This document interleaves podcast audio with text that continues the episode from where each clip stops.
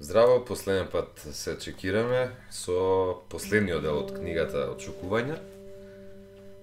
Па да започнеме. Ајде. Четврток, 21 август. Буда вели. Не верувам во судбината што паѓа врз човечките суштества независно од тоа како тие действуваат. Но верувам во една судбина што паѓа врз нив ако не действуваат. Илија. Аква сорт. Скоро ќе го заборавев. Су. Еј, добар ден. Само што ја видов твојата порака. Што сакаш да кажеш? Елија. Вчера едва ја успеав да заспиам, наеднаш нешто ми кликна во главата и се сетив на ресторанот во кој Маркос сакаше да ме одведе ноќта кога се случи несреќата. Оној чии маси се внатре во аквариум. Су. Се сеќавам, се сеќавам, ама зошто не си можела да заспиеш? Елија. Маркос ми рече дека неговиот војко работи таму како главен келнер. Мора да го најдам тој човек. Тој мора да знае што му се случило на внук му. Су. Брилијантна идеја, Елија Вотсон. Горда сум на тебе. Елија. Ке се обидам да отидам утре. Ке ми правиш друштво? Аквасорт е надвор од градот и со автобус е многу бавно. Су. А, жал ми е, не можам или мајка ми сака да направиме женско попладне и непријатно ми е да ја кажам не. Елија. Точно, заборавив. Мислиш ли дека Томи ќе сака да дојде? Су. Сигурна сум, ќе го прашам сега. Елија. Ха-ха, фала. Впрочем, навистина сте убав пар. Су. Пак со тоа? Елија. Ти не вида како те гледаше с ношти кога ја раскажа анекдотата од твоите часови за тарот? Му светка очите. Су. Страшна си. Тоа ми е само другар. И знам дека тој сака да продолжи да биде тоа.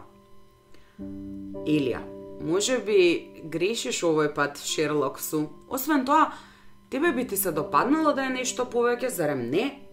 Су, не ја менувај темата. Сега зборуваме за твојот план, не за мојот.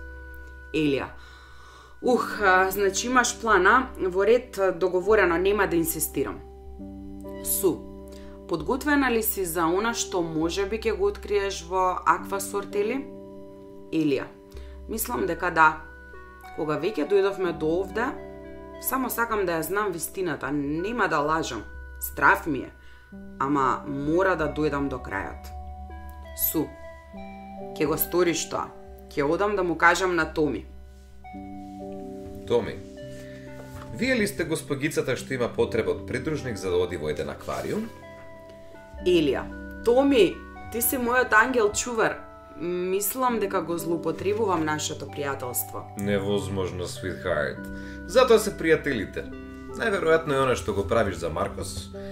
Кога сите девојки би биле како тебе, би имало многу малку скршени срца. А кога би сите дечковци би биле како тебе, би немало ниту едно скршено срце. Ќе видиме дали тој истото го мисли. Знае веќе тој. Знаеш веќе кој. Хм, сега сериозно. Се надевам дека све ќе биде во ред. И јас исто, Томи, јас исто така. Се гледаме утре, бакнеш. Елија, ако никогаш не те запознам, никогаш нема да мора да те изгубам. Му рече Джулиет на Сојер во Изгубени. Феникс, убава фраза. Размислуваш така во врска со мене? Одлучи да ме запознаеш? Да не ме запознаш. Да не ме запознаеш? Веќе е доцно за тоа. И доколку би ми дале да изберам, би те запознала илјада пати. Иако секој пат би морала да те изгубам. Ама истовремено страв ми е Феникс. Страв ми е дека еден ден ќе се разбудам и ќе откриам дека се е шега, лага, фантазија. Страв ми е дека на вистина си мртов и дека ќе продолжиш да ми недостигаш за секогаш, живеејќи ја одново секоја секунда што ја поминавме заедно, за на крај да сватам дека сум влюбена во една илузија. Тука сум Ели. Иако веќе не сум личноста што ја запозна, се уште сум со тебе. И што сакаш да кажеш со тоа? Толку си сменат, толку многу што ми го одземаш правото да те сакам? Сакам да ме сакаш, Елија. Ништо не би ме направило посеќен, ама не е толку лесно. Најпрвен би требало да ме запознаеш. Не, Маркос, не. Тоа се изговори што си ги наметнал за да не се прифатиш сами од себе. Што и да се случило, јас ќе продолжам да те сакам. Менување на името нема да ти помогне да го надминеш тоа. Имам впечаток дека секој од моите сеќавања е затруено. Се што преживеав ме тера да мислам на она што веќе не постои. Во тебе. Поѓаволите, Маркос, кажи нешто. Ми се тресат рацете и пишувам со толкав бес, што сум изненадена што се уште не се скршил мобилниот. И ти, ти не велиш ништо? На вистина ми е жал, Елија. Зашто ти е жал? Тоа што не ми кажа уште од првиот момент кој си, дека си жив, дека си одлучил да ме заборавиш, немаше да се вратиш во мојот живот, зошто мораше да ме измамиш? Не те измами, Фелија. Во мене веќе нема ништо од Маркос кој го познаваше. Тоа е лага. Ти беше тој што ми пиша прв. Ти! Ако најде сила да стапиш во контакт со мене, зошто одбиваш да ме видиш? Илија, пред малку ми рече дека ти е страв. Ама не можеш да замислиш што чувствувам јас секој утро кога ги отворам очите и откривам дека се уште сум тука. Заробен од спомените, преплашен од сегашноста и иднината што ме чека. Само ти, Елија, само ти ме спасуваш секој ден. Тогаш дозволи ми да те видам. Не можам. Токму затоа што не сакам. Не можам да те вовлечам во овој пекол, никогаш не би ти го простил, не би си го простил тоа. Ама Феникс, Маркос, јас сум таа што сака да ме вовлечеш. Потребно ми е да те погледнам во очи, потребно ми е да те допрам. Скот Фирцералд велел дека можеш да ги помилуваш луѓето со зборови. Да, и Езоп велел дека кога се потребни преградките, помошта на зборовите воопшто не помога. Овој пат те победи во твојата игра. Те преколнувам, веќе немаш потреба да се криеш не од мене. Што и да ти се случува, сакам да ти помогнам и да формирам нови спомени покрај тебе и да ги поминам мртвите часови замислувајки што да ти кажам следниот ден. Не сакам да живеам со стравот дека некој ден ќе исчезнеш. Сакам да ми дозволиш да те сакам. Елија, не можам. Можеш. Кажи ми каде си и кога можам да дојдам да те видам. Сакам да зборувам со тебе и да ти го чујам повторно гласот. Сакам да откриам нови места со тебе, да ги направиме наши и да изградиме таму нашата приказна. Сакам да излеземе на вечерата на која не стигнавме. Сакам да одам во аквасорт и да јадам обколена со алги и ајкули. И нема да се откажам, Маркос. Нема да престанам да те барам надвор од овој екран. Зошто? затоа што животот не би имал никаква смисла доколку би престанале да трагаме по невозможното. И токму сега ти си единственото невозможно што ми е важно. Елија се исклучила. Билан за четврток од чукувања 3738. Пријатели 3. Време на првозрност 41 минута. Буда вели. Никогаш не гледај кон она што си го направил. Гледај кон она што допрва ќе го направиш. Томи. I'm on my way. Елија. Океј, те чекам на долната обиколница. Perfect. Фала ти за ова што го правиш, Томи. На вистина многу ми значи. No проблем, Елија. Знам дека ти значи многу. Су. Како сте? Веќе сте во аквасорт? Елија. Се е во ред, само што не сме стигнале. Ти? Су. Добро, мајка ми ме остави овој пат да го изберам јас филмот. Најверојатно ова е првиот месец да го направи тоа. Елија. Поминете си убаво на вашето женско попладне. Ке се видиме за вечера, нели? Су. Да, ке ми раскажеш подоцна како сте поминале. Елија. Патем веќе ми рече Томи дека сношти сте останале да зборувате до многу доцна, а, кокетке. Су, хе, да. Во последно време изгледаме како сиамски мачки. Зошто? Што ти кажа? Што зборувавте за мене? Ти знаеш нешто, нели? Елија! Елија, ке те оставам су. Стигнавме веќе, виш ми лак. Су, окей, окей, многу среќа, ама ке зборуваме насама јас и ти. Цмок, Елија. Здраво, мамо, јас сум со Су и Томи. Мама, во ред сонце, како помина? Елија, веќе знам каде е Маркос.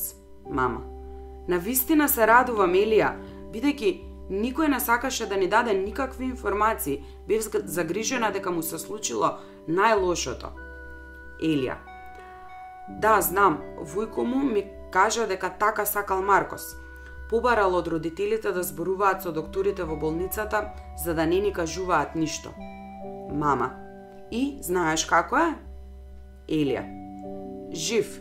Сушност, тоа е единственото нешто што ми е важно. Мама. Не знаеш колку ме радува тоа, Елија. Пиши ми кога ќе завршите со вечерата и ќе дојдам да те земам, важи? Елија. Нема потреба, сериозно. Мама. Да, да, пиши ми подоцна. Бакнеш сонце. Елија. Океј, благодарам, те да сакам. Биланс за петок, очекувања 675, пријатели тројца, време на поврзаност 10 минути. Сабота 23 август. Буда вели. Патот не е на небото, патот е во срцето. Феникс. Здраво, Елија. Не можам да спијам. Тука си? Добро, изгледа не си. Уште подобро. Понекогаш е полесно да зборуваш сам, отколку со некој друг. Оној ден во кафолето Ньютон ти реков дека не беше случајно тоа што се запознавме. И подоцна кога ти пишав дека и двајцата имаме потреба од еден од друг, зборував сериозно. Иако се уште не знаеме многу добро зошто, мислам дека си го слушнала за говорот кој го одржал Стив Джобс на Универзитетот Стенфорд. Ако не, побаре го на интернет. Затоа што би требало да го слушне секој барем еднаш. Во него зборува за соединување на точките и дека во животот постојат некои работи што ги разбираме апостероири. Вели нешто од типот дека не можеме да ги поврземе тие точки кон напред, дека можеме да го направиме тоа само кон назад, откако сме ги доживеале и можеме да ги разбереме. Ни останува само да веруваме дека порано и подоцна тие точки ќе бидат поврзани, дали со помош на нашиот инстинкт, карма, судбина или како и да сакаме да го наречеме тоа. Ти ги сподели со мене твоите најинтимни сеќавања. Мислам дека е праведно да го сторам тоа и јас. Не сум истиот од несреќата и очигледно е дека сега моето најстрашно сеќавање е токму тоа. Секогаш бев предплашен од болниците, уште од денот кога сватив што значи да се умре кога имав 8 години, ми ги оперираа крениците. Пред да влезам во операционата сала, поминав неколку дена убеден дека умирав. Дека умирав и дека умирав. Бев неподносливо дете и премногу галено. Мајка ми ми се лутеше што зборував така, но јас уживав во тоа што бев жртва, дури кога бев добро. Но на денот на операцијата, токму кога требаше да ми ја стават анестезијата, сватив дека на вистина може да умрам. Тој ден сватив дека доколку се случеше нешто, немаше да се разбудам. Се сеќавам дека почнав да плачам и да врескам од длабочината на белите длобови, дробови дека не сакам да умрам, молејќи ги да ме спасат. Никогаш не сум почувствувал страв како тогаш. Знам дека ќе ти звучи глупо по... Добро, сега се едно е. И моето најсрекно сеќавање. Најсрекното беше кога ми пиша прв пат, пред јас да ти пишам прв. Елија. Феникс, жал ми е, бев во 10 и сон и не го слушнав телефонот. Предпоставувам дека сега ти си тој што спие. За кога ќе се разбудиш, само сакав да ти кажам едно нешто. Благодарам. Бакнеш. Сонуваме за еден нов ден, кога новиот ден не доаѓа. Сонуваме за една битка, која веќе се бориме. Добар ден, Елија. Друштво на мртвите поети. Го обожавам. Знаев веќе. Пораката беше да се осигурам дека ќе го започнеш денот со насмевка. Успеа во тоа? Да, успеа во тоа. Вчера не зборувавме. Бев зафатена. Имав потреба да размислам и да донесам одлуки. Зашто? Ако може да се знае. За тоа дали треба да се предадам. И до какви заклучоци дојде? Знам дека ако сега заборавам на се, може би ќе напредувам побргу кон иднината. Ама, од друга страна, никогаш нема да престанам да гледам со тага кон минатото. Не разбирам што сакаше да кажеш. Можеш да зборуваш појасно? Кажи ми едно нешто, Маркос. Кое е најживото сеќавање што го имаш од мене? Па, моето најживо сеќавање за тебе е по плането кога се запознавме. Изразот на тага, немокност и разочарување кој се отсликуваше на твоето лице. Кога не ти дозволија да влезеш назад во салата. Не знаев која си. Но ме трогна толку што си ветив сами од себе си дека ќе те насмеам. Во тој момент и кога ќе се и кога и да зависеше од мене и секако ти кога сакаш. Без воопшто да ме знаеш? Токму поради тоа, сакав да знам која е таа девојка на која беше толку важна една песна. Не велиш ништо? Маркос, ми недостигаш. Знам, Елија. Ми недостигаш толку многу што не престанувам да ги читам одново и одново сите наши пораки. Подготвена сум да прифатам крај, нема да ме разбераш погрешно, ама крај кој ќе го испишеме ние, а не крај кој е последица на една проклета несреќа, Маркос. Веќе ти реков дека не остана ништо од тој Маркос. И јас веќе ти реков дека тоа не е вистина. Жал ми е, ама не мислам да оставам нашата приказна да заврши на екранот на еден мобилен. Се плашам дека не ни останува друга опција. Јас мислам дека има и ќе се обидам да го направам единственото нешто што во овој момент може да ме насмее. Елија, не. Велат дека не постојат ветувања кои значат повеќе од оние што си ги даваме самите на себе. Јас само ќе ти помогнам да го одржиш она што си го даде на самиот себе на денот кога се запознавме. Елија се исклучила. Томи. Се надевам дека све ќе биде во ред, госпогице. Елија, фала ти многу, Томи. Ке поминам подоцна да ве видам и ќе ви раскажам како помина се. Вечер Васу нема да биде дома. Има други планови, романтична вечер со еден дечко. Како? Не ми рече ништо предајничка. Со кого? Со некој кој беше близу. Понекогаш сме кратковиди за овие работи и него гледаме она што ни е пред носот. Се вели пред нашите носеви каубој. Каква радост! Ке излезеш со су! Јуху! Носеви? Зошто носеви? Имаш само еден нос, Елија? Те оставам, ќе одам да побарам такси. Бакнеш. Елија, гјаволица, гјаволица, зошто не ми кажа дека излегуваш на состанок вечерва? Су, а, ќе се стрпиш. Ти не ми кажуваш ништо, па ни јас. Елија, ха колку си одмаздолюбива. Уф, се надевам дека се ќе биде во ред, колку сум возбудена, уште малку и ќе стигнам. Су, што и да се случи, добро правиш што одиш таму, Ели. Елија, знам, преплашена сум, ама знам дека морам да додам. Потребно ми е. Господи Исус, срцето ми чука како лудо. Су, напред, без страв, среќно, те сакам. Елија, и јас тебе. Тато, се уште си во такси? Да, стигам. Требаш, требаше да дојдеме по тебе. Не, сериозно, а, сакам сама да го направам ова. Те сакаме, злато моја. И јас вас, тато, ќе ви кажам подоцна како помина се. Марион, убавица како си, конечно ќе одиш да го видиш Маркос? Елија, да, всушност на пат сум. Марион, види, значи денеска е денот. Елија, така се чини. Марио. ако сакаш еден совет за хендикепирани, кога ќе стигнеш, немој да избрзуваш. За него ќе биде силен впечаток. Можно е да не реагира како што ти очекуваш. Болката понекогаш прави да ги повредуваме оние што ги сакаме. Имај трпение и, како што велат во театарот, скрши нога. Елија, ќе ти кажам како ќе заврши се. Бакнеш. Мама, веќе си во клиниката? Елија, само што поминав низ портата на градината, не очекував дека ова ќе биде толку... Мама, убаво? Елија, големо.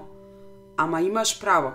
и преубаво е, и тажно во исто време, како приказните што се кријат помеѓу сите овие дрвја да завршиле лошо. Мама, сигурно не е така. На сите нив животот им дал втора шанса. Елија, можно е. Кој знае каде е Маркос, а место е огромно. Ќе одам да прашам. Мама, храбро само сонце, бестрашна си што сама стигна до тука. Елија, не стигнав сама, сите ми помогнавте. Ве сакам. Елија, те гледам. Феникс, како? Па тука сум, со тебе. Како мислиш? Не ми поставувај повеќе прашања и побарен од мене да дојдам да те гушнам. Не знам што е ова, ама воопшто не ми се допаѓа оваа игра. Не е игра, Маркос. Можам да те видам и сега знам дека ме излажа. Уште си ти. Ова е смешно. Дури и да можеш да ме видиш, се уште сме многу далеку еден од друг. Имаш право. Никогаш неколку метра не ми представувале толкава бескрајна оддалеченост. Доволно е само еден твој знак за да одлетаат и просторот и времето. Ама Илија, зарем не разбираш дека несреќата стави точки на нашата приказна? Не, ти реков дека ние ќе го испишеме крајот. И го правиме тоа сега. И те уверувам дека ова е само почетокот. Маркос, и мене ми е страв. Ама те молам, морам да те гушнам. Елија, застани те преколнувам, невозможно е, разбери веќе еднаш. Не, Маркос, не е невозможно. Тука сум и двајцата сме тука. Тоа не менува ништо. Не можам да барам од тебе да останеш покрај мене. Не би било праведно. Те сакам премногу, Илија. Па веќе е доцна Маркос, затоа што и јас те сакам. Штом дојдов до тука, штом ги превртев небото и земјата за да те најдам, штом се влюбив повторно во тебе на еден екран со димензии 5 со 9, како не би била способна да те сакам во инвалидска количка? Елија се исклучила. Биланс за сабота. Очекување 3185. Пријатели 6. Време на поврзаност 35 минути.